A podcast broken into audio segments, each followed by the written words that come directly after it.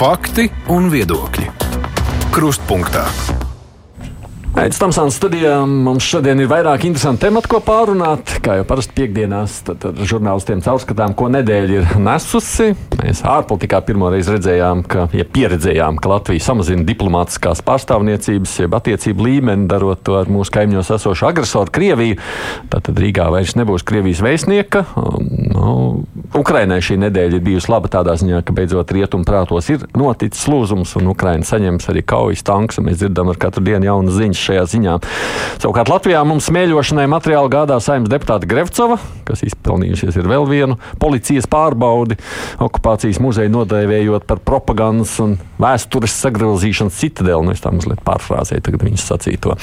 Nu, šķiet gan pati tajā pašā dienā arī nobijās par iespējamām sekām no izrunāšanās.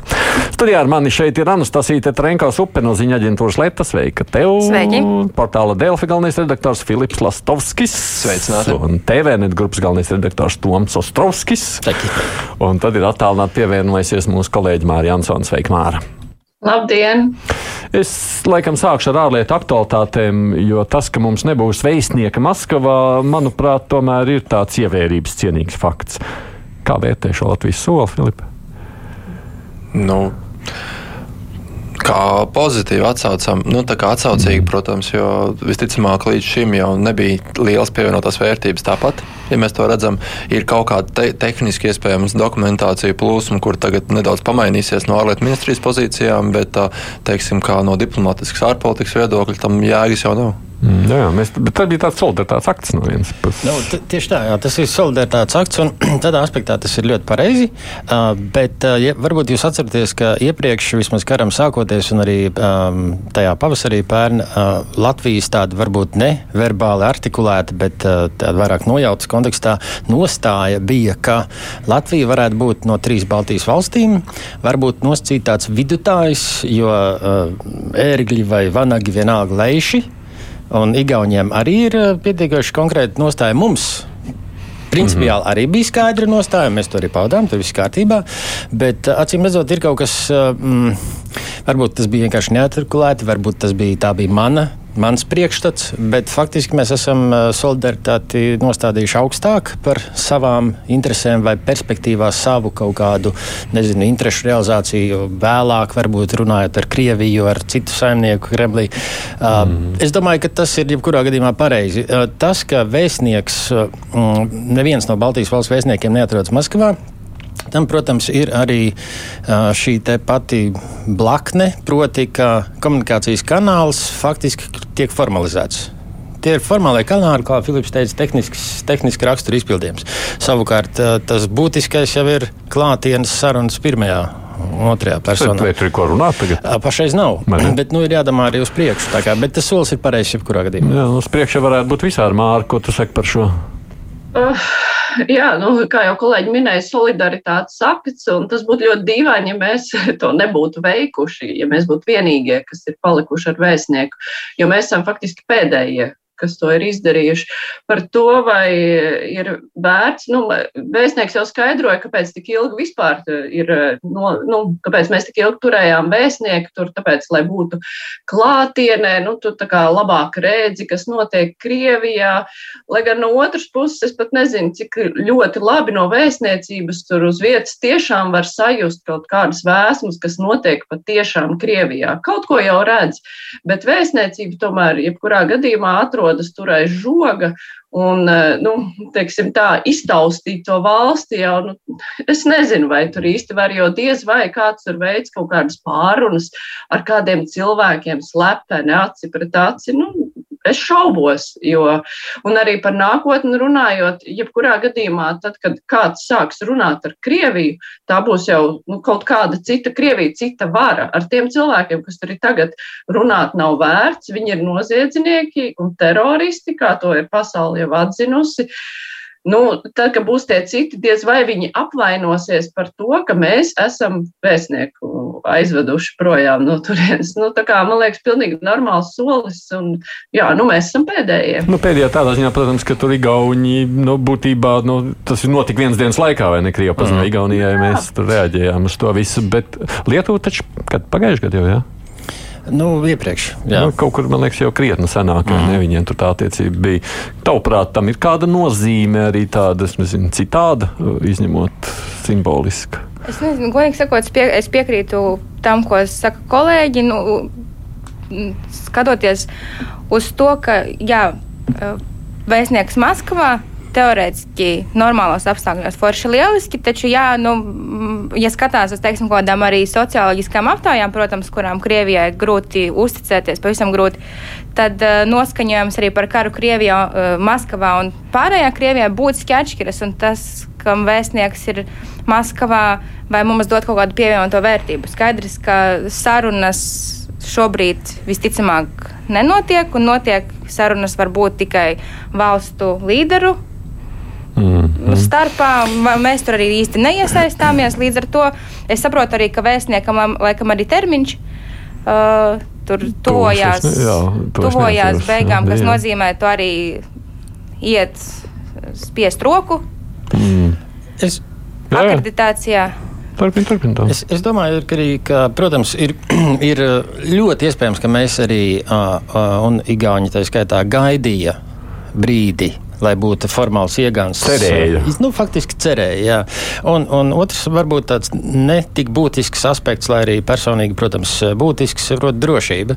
Ņemot vērā, Krievija neievēro nekādu veidu starptautiskās saistības, kādā sakarā, lai ievērotu, teiksim, vēstniecības apsargāšanu, nav runa tikai par Latvijas, bet vispār. Tā kā, nu, ja, ja Krievija sarauj kanāls ar daudzām valstīm atstājot tikai burtiski vienpersoniski vienā līmenī, kas ir teiksim, Kremļa saimnieka, eh, Putina personā. Eh, pārējie īsti nav vajadzīgi, vismaz no Krievijas skatoties. Vēl kādas valsts varētu kaut kādā brīdī kaut kas līdzīgs notikt? Es domāju, ka lielās valsts noteikti nē. Eh, tādas kā teiksim, Vācija, no nu, ASV varētu principiāli, tāpēc, ka, piemēram, nezinu, varbūt pīvota stratēģijas kontekstā, piemēram, atsaukt savu vēstnieku, bet ir Vācijas vēstnieku, piemēram. Nu, savstarpēji saskaņot. Ne, kaut kā, kāds, kāds jā. jau vienmēr palika. Nu, tas, kas būtu saprotams, saprotams, jo kaut kāda kanāla jau būs jāatstāj vaļā, tas arī ir skaidrs. Uh, no Vācijas savukārt beidz šodien to ilgi spēru, to ilgi gaidīto soli saņēmās drosmi sūtīt uz Ukrajinu savus tankus, runājot par to lēco, vispār Vācijas tādu daudz aprunāto lēno domāšanu. Tev ir saprotama, tas ir, kāpēc tik lēni grūti gāja Vācijai. Nu, man liekas, tam ir noteikti ir vēsturiskais konteksts, kāpēc mm. viņi kopumā vispār tik mm. rezervēti domā nevis domā, bet rezervēt rīkojas attiecībā uz militāro palīdzību, uz īpaši smago militāro palīdzību. Man liekas, ļoti būtiski tas, ko teica Šolts par um, to, ka mēs dodam, bet nekādā gadījumā tas nav domāts tam, lai tiktu tēmēts uz mērķiem Krievijas teritorijā. Ka jebkurā gadījumā aizvien vēl ir tā kāda publiskajā retorikā piesargāšanās. Mēs te Baltijas valstīs runājam un Polijā runājam daudz drošākiem tekstiem, daudz agresīvākiem īstenībā arī, bet tur joprojām ir tā piesargāšanās, lai gan mm. ir gads apkārt pagājis, vai tiešām vēl ir vieta tam. Nu, bet nu, tāds spiediens beig beigās. Nu, es, es piekrītu, Jā, Anastasē, bet nu, tur ir tas, ka gads ir pagājis kopš kara Ukrainā, bet kopš nacistiskās Vācijas sagrāvis ir pagājuši 80, uh, nu, nu respektīvi daudz salīdzinoši. Ja. Protams, ka tā vēsturiskā trauma ir, nu, nezinu, nācijas DNS iekšā, viņam skolā māca arī par to, ko darīja vectētiņi un tam līdzīgi. Un tā, tā nav, teiksim, tāda, nu, tas tiešām arī tiek darīts. Bet šī ir tāda nu, lielā Vācijas iespēja. Man liekas, ka viņi līdz galam sākotnēji nespēja noformulēt, vai tiešām mums tas ir jādara. Viņiem bija nepieciešams papildus stimuls, kas faktiski formāli kļuva ASV. Nu, es pieļauju, tur sastarpējās sarunas vadītāja līmenī, bet tomēr proti lielā iespēja vēsturiski iespēja parādīt, eh, tā skaitā arī Krievijai, kā toreiz Padomju Savienības eh, pārstāvjiem un formāli un juridiski mantotājiem, eh, proti, ka mēs šo vēsturisko traumu, traģēdiju esam vismaz cenšamies pārdzīvot un iet uz priekšu savu atšķirībā teiksim, no Krievijas, kas nekad nav pie, nu, cietusi nekādu pazemojumu. Viņam nekādas traumas vēl nav. Jā, tieši šī iemesla dēļ Krievija ir tāda, kāda tā ir tagad, šodien, šī paša iemesla dēļ. Um, kā es domāju, vācieši. Um, vācieši būtu šo lēmumu pieņēmuši agrāk vēl. Protams, ka šeit ir runa par aktuālo kara darbību, un, un lēmumiem ir jānāk ātri, jo, jo piegādes ir ilgstošas, un tāpat laikā mēs arī nezinām, tāpat kā bija līdz šim. Ieročus mēs piegādāsim, teiksim, ASV paziņojums, mēs piegādāsim to un to, vai Slovākijas vai, vai Polijas, bet īstenībā tas viss jau vai daļēji jau atrodas kaut kur tuvu, vai tur jau uz vietas un tiek jau izmantots. Mm. Kā nu, tanks kaut, nav tieši kaut kas, ko var ielikt kastē. Nav, nav, nav. Jā. Bet, bet nu, es saprotu, ka kaut kāds polija tur vēl sūtīs citus arī tankus, un līdz ar to tur vēl bija arī Lielbritānija. Anglija, pieņemsim jā. ļoti, ļoti ātri, diezgan tādā ziņā pārsūtām, bet vispār pasauli šī gada laikā.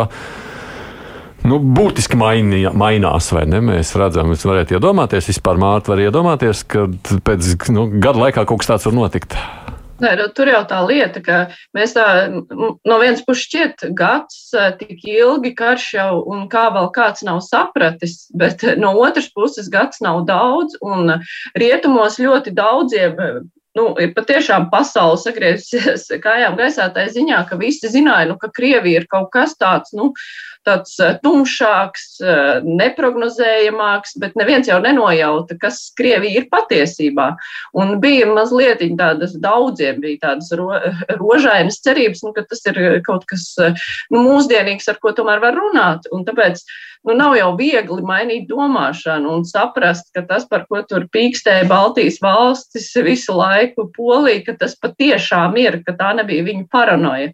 Un, nu, jā, to domāšanu mainīt nav viegli, bet tas ir noticis un tas ir ārkārtīgi labi. Jo, nu, un arī par Vācijas lēmumu.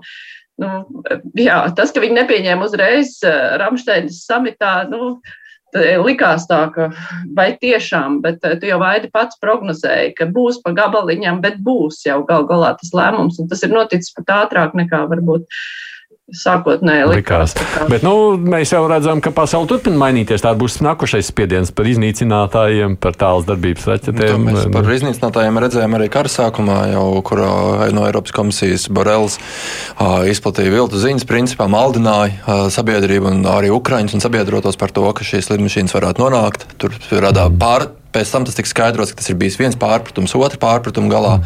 Un, protams, nekāda iznīcinātāja nenonāca. Tā vienkārši bija nu, Eiropas komisijas uh, nepārdomāta komunikācija. Mēs redzam, ka tā nepārdomātā komunikācija, protams, aizvien ir. Šobrīd ja Ursula Fonderleina ir minējusi, ka ir.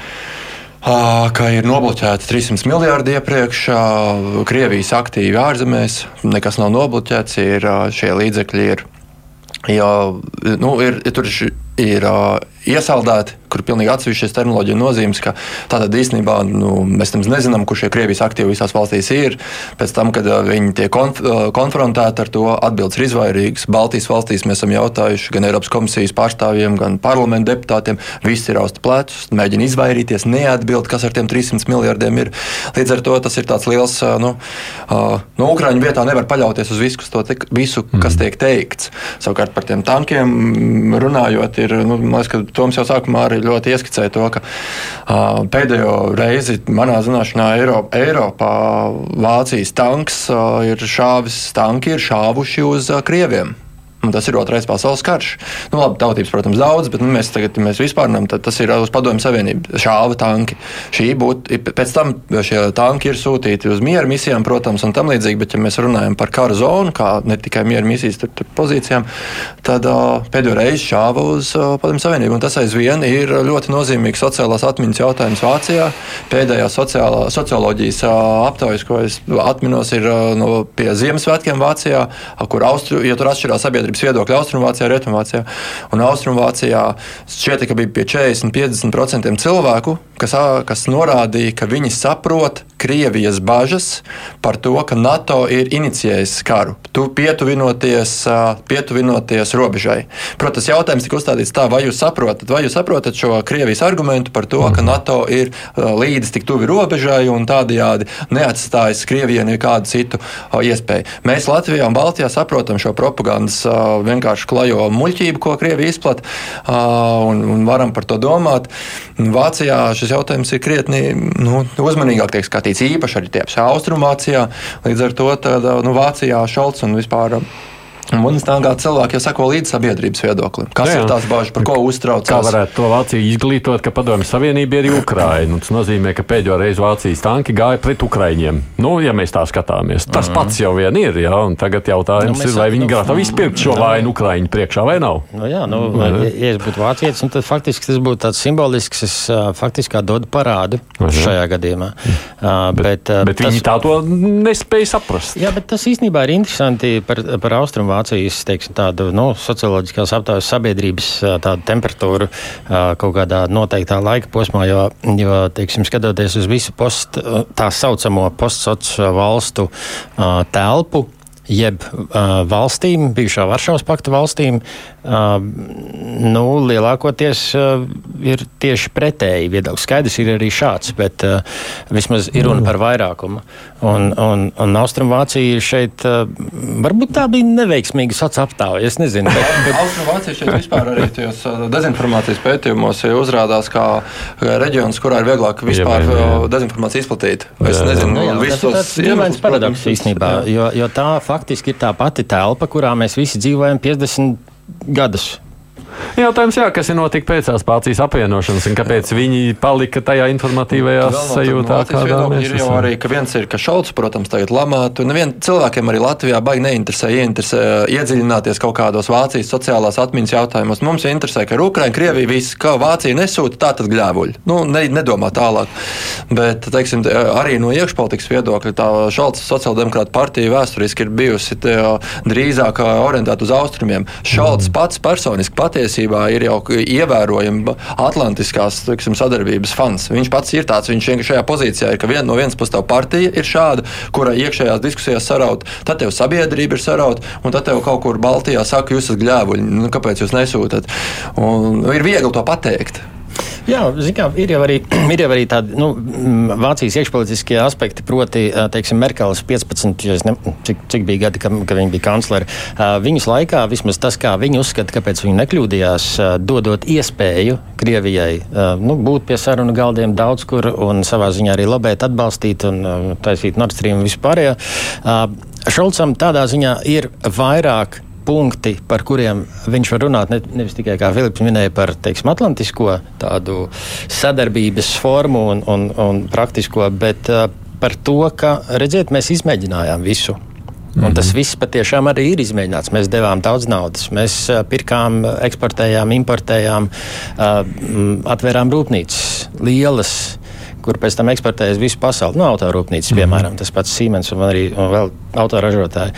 Mēs esam izmēģinājuši daudz, attiecīgi. Tas nav tā, ka Šolcam mm, nav argumentu, kāpēc. Viņam ir daudz un dažādi, un, un lielākā daļa no tiem ir leģitīmi un pamatoti. Un, un tādā aspektā, protams, jebkāda vilcināšanās no mūsu platumgrādiem šķiet mm, dīvaina. Bet, bet jā, tas, tas, tas kā Filips minēja, uh, mums maz interesē, kāpēc. Mēs gribam, tad ir vai nav. Bet labā ziņa, kas sūtīs. Kas Labā ziņa, lieta, protams, kā arī tajā pašā domāju, Baltijā un citur ļoti tur cilvēki neiedziļinās par to, ka tie, tas ir mēnešu jautājums, apmācības būs ilgas, Nē, ka nu, tur pēkšņi nebūs tā. tas nebūs tuvākās Jā, Savukārt Krievija kā atbildes reakcija var jau krietni ātrāk dot, ah, jūs ņemsiet Vācijas tankus, nu tad lūdzu, šitais, šitais reģions, ņemiet jaunu raķešu kravu. Nē, Man propagandai tas būs fantastisks, uh, Krievijas propagandai tas būs fantastisks subjekts, par ko bliest pa bunžām, teiksim tā. Pēdējās dienās Krievijas propaganda uh, ir īpaši interesanti īstenībā, tad, kad ir saņemtas ziņas par jaunajiem, nevis ne jaunajiem, bet uh, tanku piegādēm. Viņi izskatās uh, atkal pazuduši savās matricās, tādā ziņā, kā mums šo te tagad nogludināt saviem cilvēkiem.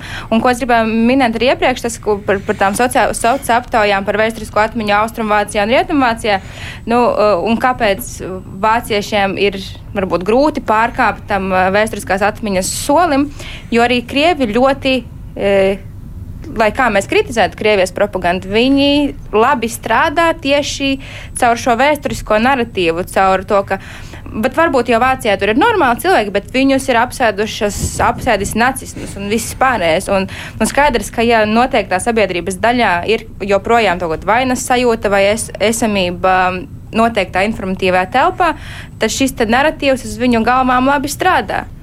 Un, uh, tad ir vēl grūtāk, protams, izkāpt ārā no šīm kurpēm un, un rīkoties tā, kā mums gribētos. Mēs jau arī savus lēmumus pieņemam balstoties mūsu vēsturiskā atmiņā par vēsturisko sāpju un, un uh, tam līdzīgām lietām. Ejam priekš, es zinu, temats garš, bet Jā, man ir vairāk lietas. Ja, ja kāds klausījās, teiksim, no, no mūsu uh, brokremliskajiem, tad noteikti būs kaut kāds tvits arī par to uh, lokāli vai, vai personīgi, proti par to, ka Vācija ir apsēduši nacisti. Tas ir uh, fantastisks narratīvs priekš propagandas Krievijas. Super. Nu, Paskatīsimies, kas notiek mūsu pašu propagandā. Māra, ko saka par Grevcovas izteikumiem. Mums ir viņi arī gādājis par propagandu runājot. Jā, nu, uz viņu, nu, cik es tā pas, pa, paskatījos uz cilvēku reakciju, nu, kāpēc viņi tā dara, tur bija tie divi vadošie virzieni, ka vai nu viņi ir muļķi, vai nu viņai ir ļoti labi zina, ko dara, un tur ir aprēķins. Un es tā, nu, tā klausoties, man šķiet, ka muļķa gan viņa nav, ka viņa ļoti labi zina, ko dara. Un, uh, Un eh, tas, ka viņa šos savus eh, paziņojumus un eh, nu, to vēstījumu TikTokā par okupācijas muzeju viņa klāsta Krievu valodā, un pēc tam latviešu valodā viņa atvainojās, ka viņa tā nemaz nav domājusi. Un viņa tā kā šauj uzreiz pa diviem zaķiem. Gan viņas auditorija, Krievu valodā runājošā, būs apmierināta, jo kā viņa taču pateica visu par to okupācijas muzeju, un latviešiem arī vajadzētu samierināties, jo kā es taču tā nedomāju. Un, bet nu, es ļoti ceru, ka viņai tas eh, neizies krastā, ka, nu, ka, ka beidzot iestā, drošības iestādes parādīs, ka tie likumi, kas tiek pieņemti, par ko saimā tagad diskutē, ka nevar nelojāli cilvēki atrasties varā, un ir jau pieņemtais likums, ka partijās partijas arī nedrīkst, un partijas taču gal galā ir cilvēka partijas, nedrīkst ne, ne karu slavināt, ne okupāciju noliegt. Nu, nu, ka tas beidzot sāks strādāt, jo citādi nu, tā ir, manuprāt, milzīga nekaunība, kā viņi spēlē, un līdz šim. Līdz šim viss ir mierīgi izdevies, jo tāpēc, ka kaut kādu tādu nosacīto līniju ar, ar vārdiem, ka okupācija nebija, vai es atbalstu Krieviju, to, to līniju neviens nepārkāpja, bet no visiem izteikumiem kopumā var saprast, ka tieši tā viņi arī domā. Nu, tā kā mm. es ceru, ka tas uh, nepaliks bez sekām. Tavuprāt, paliks bez sekām vai nepaliks Anastasija? Man gribētos domāt, ka ir jābūt kaut kādam vienam gadījumam, lai tālāk to nebūtu. Pēc gribētu Māras vārdiem pievērsties par to, vai Grafcova pati to ir izdomājusi.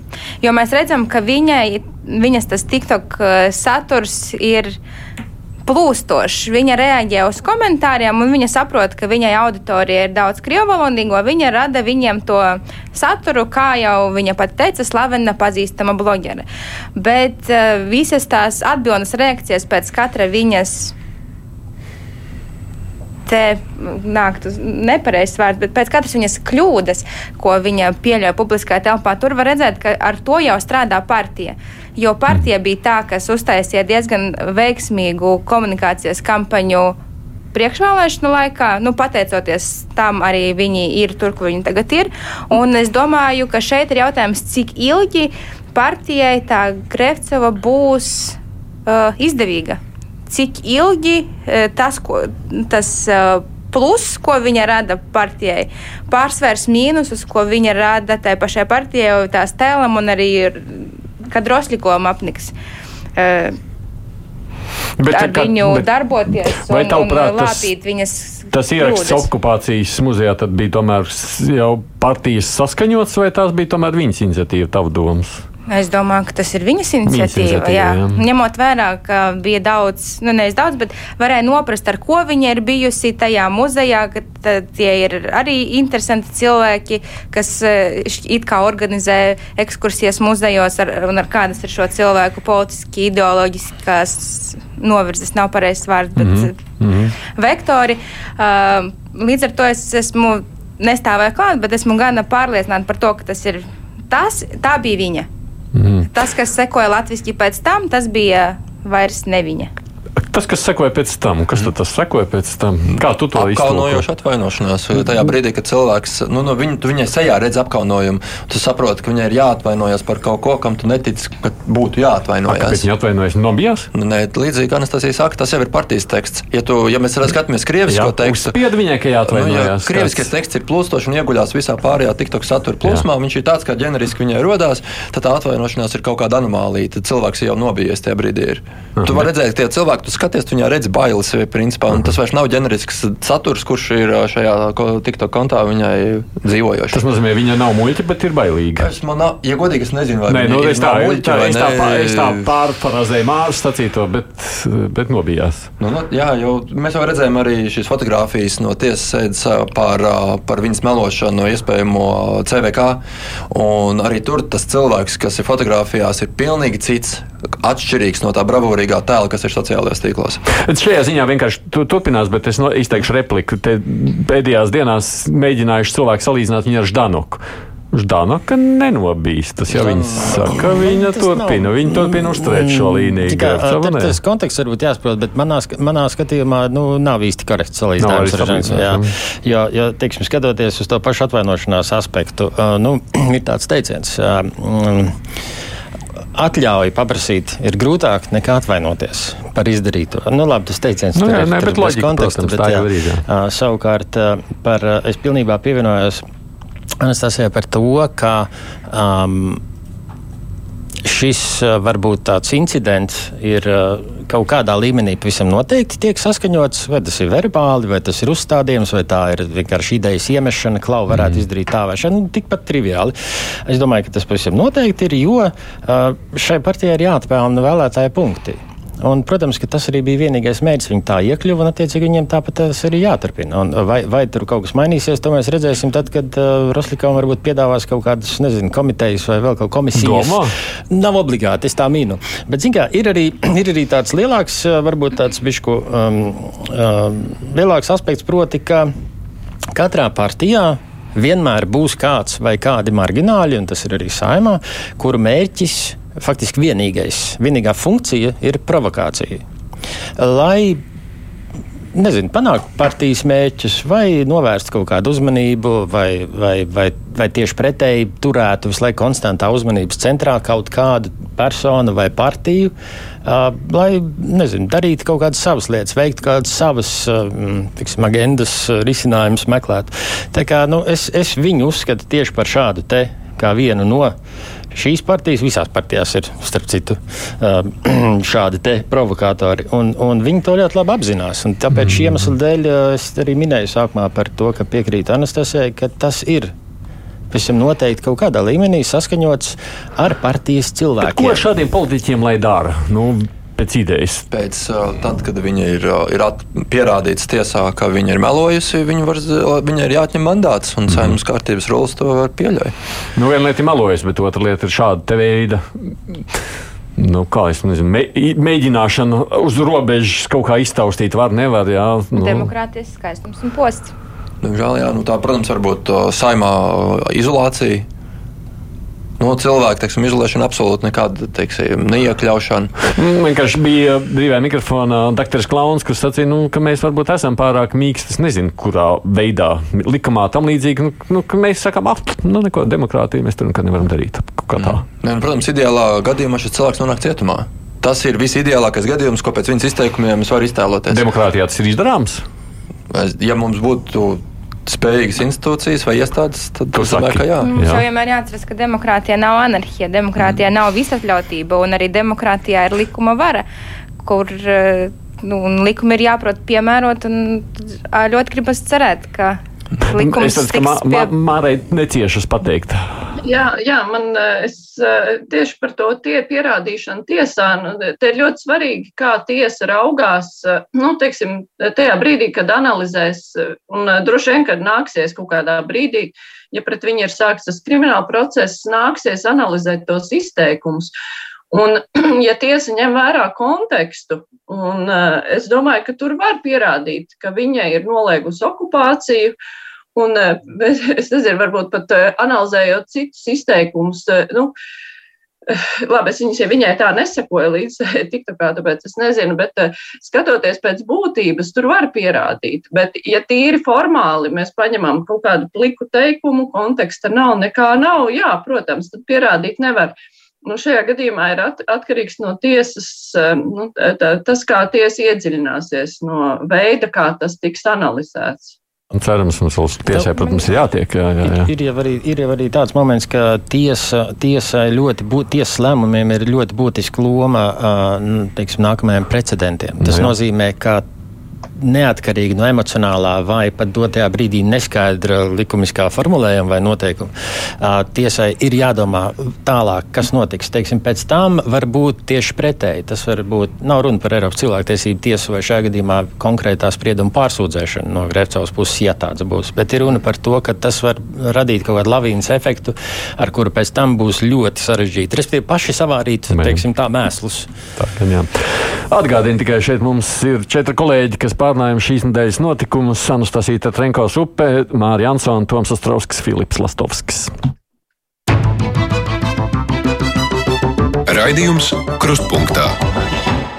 Bet vispār domājot par visu šo, es uh, jāpiemina ir otra vakardienas ziņa par Elksniņa komandas izstāšanos no partijas saskaņas. Uh, un es aizdomājos, bet tādā krieviskajā auditorijā tāda nostājai pret karu. Nu, ko tā kā mēģināja saskaņu, nu, kā viņi darīja labi, tas arī varēsiet izteikt. Tur vispār ir perspektīva, jo tagad skatoties uz to, ko es saredzu, Grevcova rullē, Ja, un saskaņa jau kārā, tāpēc, ka Grevcova noliedz okupāciju, jā, tur, tur saskaņa mēģināja kaut kā laipot tajā sadaļā. Nav tā, ka te, nu, nu kas cits atliek, jā, jārulē kā Grevcovai. Nu, ņemot vērā to, ko Elksniņš, arī Bartaševičs Rezeknē ir sarunājuši pēdējās, pēdējos mēnešos, un ka viņiem ir atbalsts tajās pilsētās, un arī redz uh, veselu domas frakcija iet nevis ar partijas disciplīnu, bet pieslēdz vienam cilvēkam, tas nozīmē, ka atsau, atsaucība šādam te kursam noteikti ir. Un mēs arī varam lasīt uh, mēdījos un sociālajos mēdījos par to, nu, par, par noskaņojumiem šajā reģionā. Es pati esmu no Rēzeknes, es labi diezgan zinu. Uh, kas notiek ar izglīt, atsevišķās izglītības iestādēs, uh, vispār cilvēku vidū un atsaucība tādam projektam noteikti būtu, vai tas ir tikai teiksim, lokāls, un vai viņiem ir kaut kādas iespējas uh, gūt plašāku pārstāvniecību. Tas ir cits jautājums. Viņi vēl nemaz nav izveidoti, mēs nezinām, kāds ir viņu piedāvājums.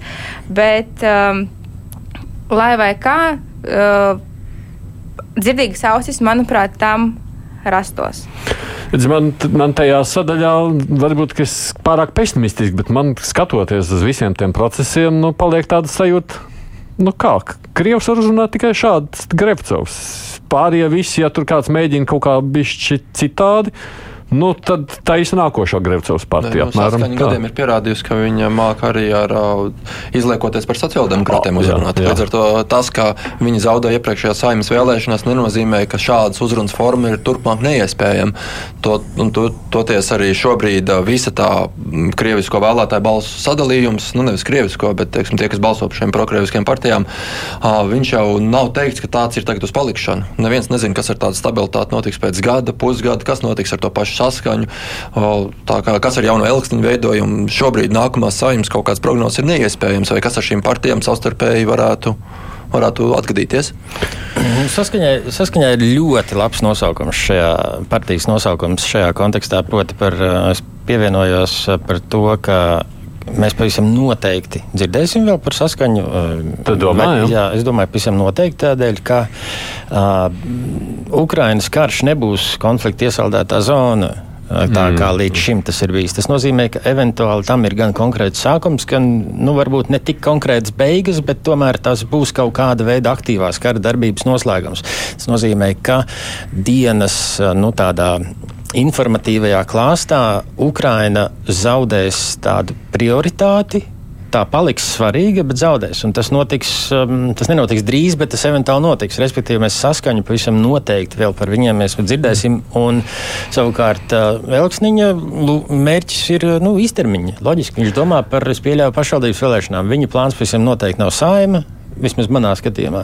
Bet lokāli, jā, noteikti. Bet vai vispār, Mārcis, skatoties, nu, es turpinot Tomu sacīt to, tādi Bartaševiči, Elksniņi, Grevcovas un vispārējie, ja, viņi apmēram tā rīkojas ar to domu, gan jau vēl Putins būs, un mums taču ar to Putinu ir jādraudzējas. Apmēram tā.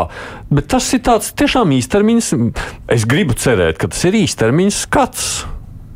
Es, es pat nedomāju, ka viņi īpaši daudz domā par Putinu. Viņi vairāk man šķiet domā par saviem vēlētājiem, kuriem savukārt patīk Putins un par kaut kādu laiku, kas būs pēc, tur eh, nav liels iedziļināšanās, jo viņu vēlētājs ir tas, kurš ir dzīvojis eh, Krievijas propagandas mēdī ietekmē. Nu, un viņi tajā valodā ar šo vēlētāju arī runā. Tā, nu, pašiem arī droši vien ir kaut kādas simpātijas, bet es nedomāju, ka tur ir tālējošāks plāns kaut kāds, nu, ka kādreiz vajadzēs vēl sadarboties ar ko kas nu tur būs, ar to arī sadarbosies. Tā kā, Bet, un no, šajā jā. gadījumā nu, šis brīdis ir tas, kā jau Toms teica, kad. Jā, tagad ir radikālie uzskati, ir ļoti nu, modē, kāpēc viņiem arī labi gāja. Tāpēc, ka cilvēki ir radikalizējušies tajā pašā laikā. Uh, būs mierīgāki laiki, un viņi agrāk vai vēl pienāks, un tad eh, arī saskaņa parādīsies, jo saskaņa, par kur kādreiz balsoja arī pietiekoši daudz latviešu vēlētāji. Nu, viņi acīm redzami vienkārši savu uzmanību bišķiņ transformēs. Protams, ka viņi vairs neies atpakaļ uz tiem eh, nozam, nu, to, to radikālo eh, Krievu daļu, uz ko tagad Roslikovs un pārējie cierē bet nu, viņi uz tādiem mērenāk noskaņotiem, un tas, ka viņi mācēs pārliecināt, ka viņu idejas ir vajadzīgas, nu, pārliecināt viņu prot. Nu, rīt, man liekas, ja ir saskaņas kongress, ja? jūs prāt, ko viņi secinās rīt? Es domāju, ka tas būs uh, šoks. Nu, es domāju, ka tas ka politikas vērotājiem ir vērts pievērst uzmanību šim rītdienas pasākumam, jo joprojām līdz galam nav skaidrs, kas ir kas tēmē uz partijas uh, vadību, un līdz ar to, at, kas pieteiksies, pareizāk sakot, kur izvirzīs un kas uzvarēs, tas arī noteiks to nākotnes saskaņas kā partijas uh, kursu. Un, uh, es piekrītu Tomam, ka mēs noteikti par šo partiju dzirdēsim. Tā nekur nepazudīs. Mana pārliecība ir, ka ja mums vēlēšanas būtu gadu vēlāk, Uh, nevis tad, kad tās notika Jā. septiņus vai cik deviņus mēnešus pēc kara sākuma. Un, uh, ja saskaņa kā partija, neieskaitot uh, radikālākos viedokļus, turpināt savu ceļu, nu, mēģinot attīrīties no tās lāčēdas, kuras, kurai, kas, kas tai uzmesta ir ilgstoši, tad varbūt tai sekmētos labāk. Jo pagaidām, es domāju, rad, radikālāk noskaņotie Latvijas krievalodīgie. Uh, skaidrs, viņiem tā pozīcija nebija pieņemama. Uh, mērenāk noskaņoti arī īsti nevarēja saprast, jo ir pagājis par maz laika tik ilgstoši darbojošajai partijai noticēt, ka viņi var būt citādi, mērenāki, ne tik agresīvi. Un arī Nu, arī tika teikts, ka arī iepriekš arī daudzi latviešu valodā runājoši par viņu balsu, mm. un arī viņi nevar saprast, ka tas šobrīd ir tā saskaņa. Līdz ar to tam kongresam, manuprāt, ir ārkārtīgi liela nozīme, lai saprastu, kur tad tā partija virzās. Nu, protams, ne jau tikai krievi, arī latvieši ir kļuvuši nu, droši vien kategoriskāki. Varbūt šajā kontekstā ir vērts pieminēt tās nu, kā lai pasaktu, no spekulācijas, man liekas, drīzāk šobrīd jāmēģina saprast, valsts drošības dienas mēģina saprast, tās ir spekulācijas vai nav. Runa par Facebook, ka tur to Ukraiņas atbalstītāju aktivitātes iespējams tiek vairāk ierobežotas, savukārt krieviskākā sadaļa mazāk. Kāds no jums lieto Facebook? Uh mhm. Jā, lieto. Nu, Jā. Nu, pieņemsim ir tā tava sajūta, ka Facebook ir labvēlīgāks šim kritiskajam narratīvam. Nu, Tev nav tādas sajūtas. Tur vajadzīgi dati. Es esmu strādājis ar uh, Facebook uh, algor, algoritmu ģenerētiem rīkiem, me, uh, teiksim, tā, mēģinot identificēt dezinformācijas rakstu Facebookā iepriekš. Un tas algoritms, viņš sākumā, viņš kā autoram piedāvā listi, ko algoritms uzskata par dezinformāciju. Un šajā algoritmā ļoti daudz ir ir īsta dezinformācija, tad ir kaut kādi skaļu politiķu saukļi, tur šlesers, gobzems regulāri bija topā, un uh, tad uh, kaut kāda daļa joku. Vienkārši kaut kādi nevainīgi jociņi, kas jā, ir populāri jā, tīklos. Jā. Un, uh, tas algoritms bieži vien sajauc kopā. Kurš ir kurš. Līdz ar to primāri šajos jautājumos tā ir meklējumā problēma būs domāju, tehnisk, tehniskā pusē. Protams, nevar izslēgt, lai labi, ka VDD to pēta un lai viņiem viss sanāk, bet nevar izslēgt, ka tas ir arī šobrīd tehnisks. Otrkārt, ir arī tā, ka nu, tas Facebook, Facebook formāts, kā viņi dzēš kaut ko vai nedzēš, viņš nevienmēr ir konsekvents. Ir, man pašam ir bijis gadījums, kad es skatos, ka Facebook ir nobloķējis otrā pasaules kara leģionāriem veltītu entuziastu grupu, mm. kuri par, leģi, par leģionu vāc fotografijas stāstus, un, uh, un viņi nobloķēti balstoties tur, uh, tajā, par nacismu slavināšanu. Un es rakstīju Facebookam ar jautājumiem par to, ka ņemot vērā, ka šī konkrētā grupa ar nacismu slavināšanu nenodarbojas, kas ir tā kas ir jūsu pamatojums, kāpēc jūs viņu slēdzāt. Es kā žurnālists viņiem prasīju, viņi, viņi atsūtīja atpakaļ atbildi, atvainojoties par, atvainojoties par tehnisku kļūmu un atgrieza. Atslēdz atpakaļ šo grupu. Tikpat labi ir ļoti iespējams, ka ir cits cilvēks, piemēram, kurš izplata regulāru dezinformāciju, viņš ir antivaksers un kaut kāds pilnīgi traks, tur bija jocīgs cilvēks. Es par viņu noziņoju, teiksim, kaut kāds 40, 50 reizes. Un viņu saturu nekad arī nebloķēja. Līdz ar to reizēm pietiek vienam cilvēkam noziņot, un to saturu nobloķē, vai arī atbloķē. Un reizēm tu vari pieteikt 40. Un tad nav izmaiņas tā cilvēka paustajā nu, satura bloķēšanā. No kā es nekādu nesmu. Tas, kas jau vienīgais, ko es gribēju pateikt klausītājiem vēlreiz, ka nu, Latvijā nevienam mēdījam nav tiesības bloķēt vai nebloķēt saturu. Tas arī ir, ko bieži šajā visā nu stāstā jauc kopā, ka, ka, ka Rebaltika tur jauc, tie taču kādi tur čekisti un, un Delfs tur min iekšā un vēl kaut ko, kas tur ir tikai un tā vienkārši ir. Nu, Mēs par to dažādiem pirmdien parunāsim, Ingas Priņģi būs kruspunktā. Uh, jā, nu, es šeit noteikti vajag atcerēties, ka um, sociālo tīklu giganti, tā skaitā Facebook, Twitter un, un citi par TikTok nemaz nerunājot, uh, tur mm, tie ir veidoti kā biznesa projekts. Respektīvi, peļņa primāri jebkam citam. Tas nozīmē, tas, tas faktiski nozīmē vienu, proti, kāpēc uh, tur ir algoritms. Nav tikai runa par lielajiem datiem, jeb big data, bet ir runa par to, ka tur nestrādā žurnālisti. Un, protams, loģiski, ka viņi tur nestrādā, tāpēc ka mm tas nav mediju biznesa.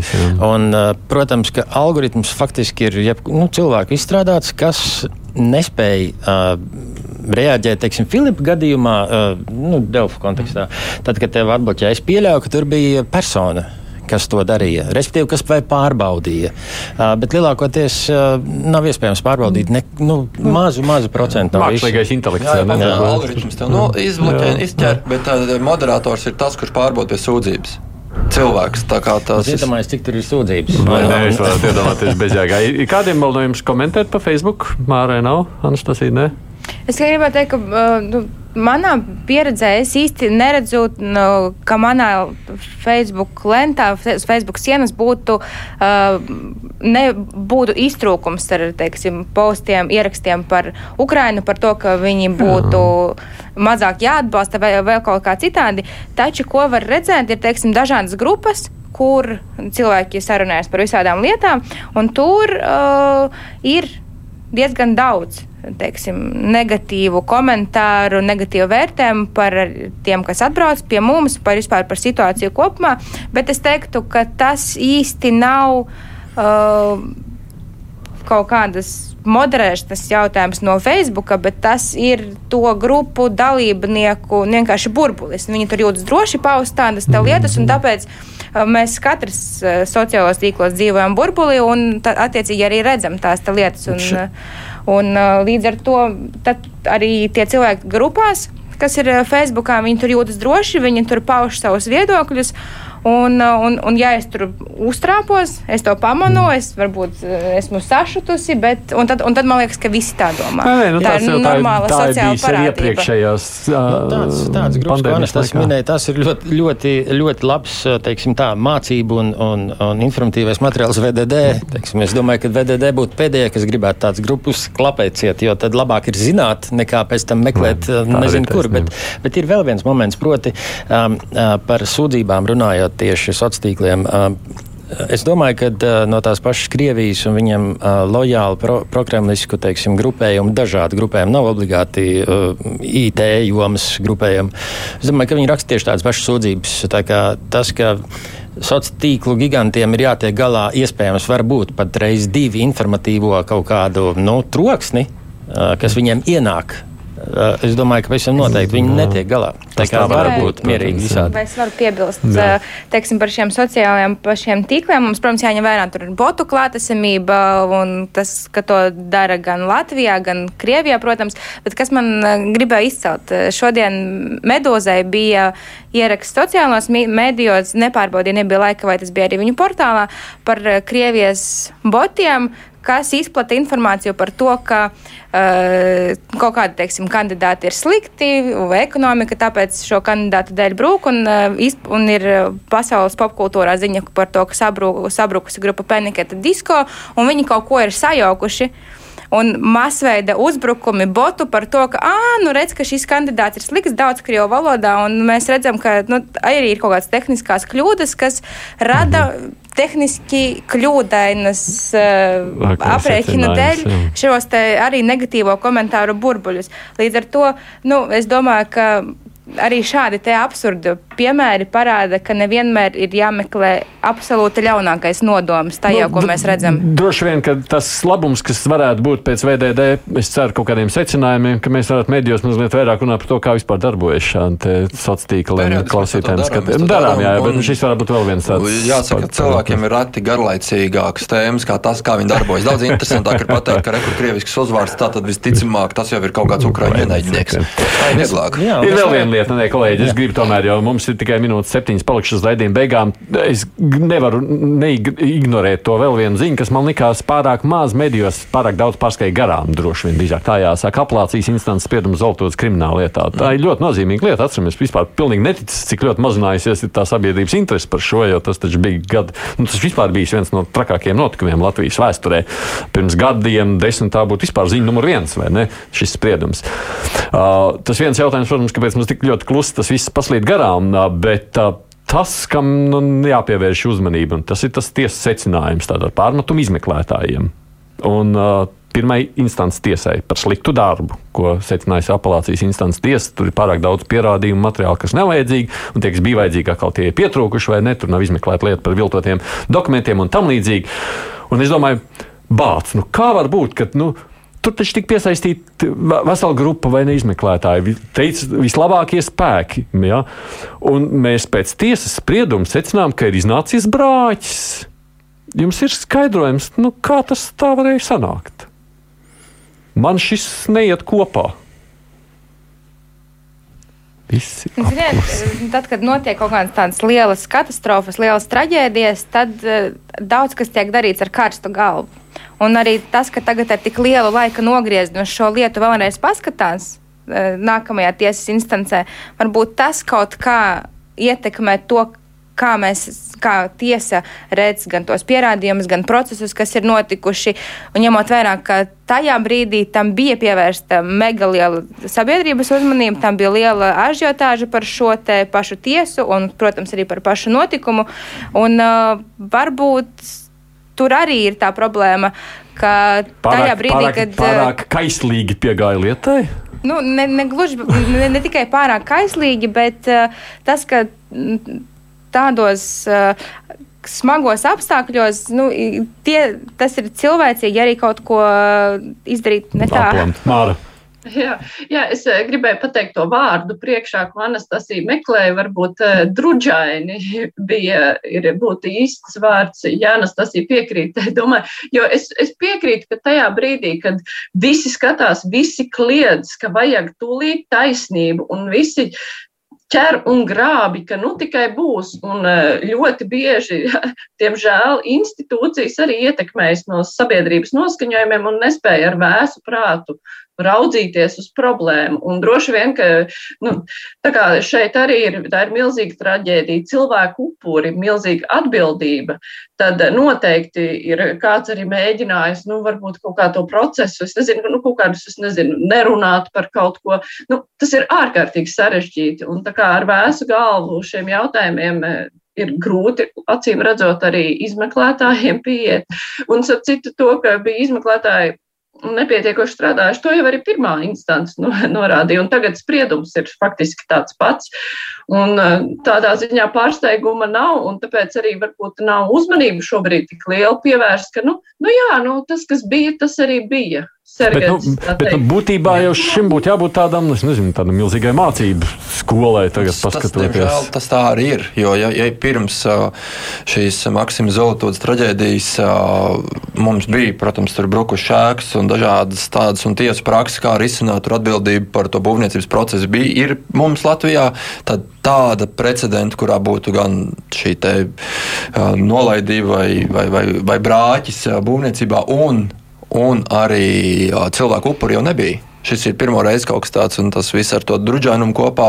Mēs redzējām, ka mainās arī fokus. Ja mēs sākumā runājam par privātu uzņēmumu, kā par saucām arī traģēdiju, pilnīgi tā vārdā. Šobrīd mēs saucam par zelta traģēdiju. Tas nebija tā vienmēr. Mēs viņu saucām arī uzņēmumu vārdā iepriekš. Un šobrīd tas tā nav.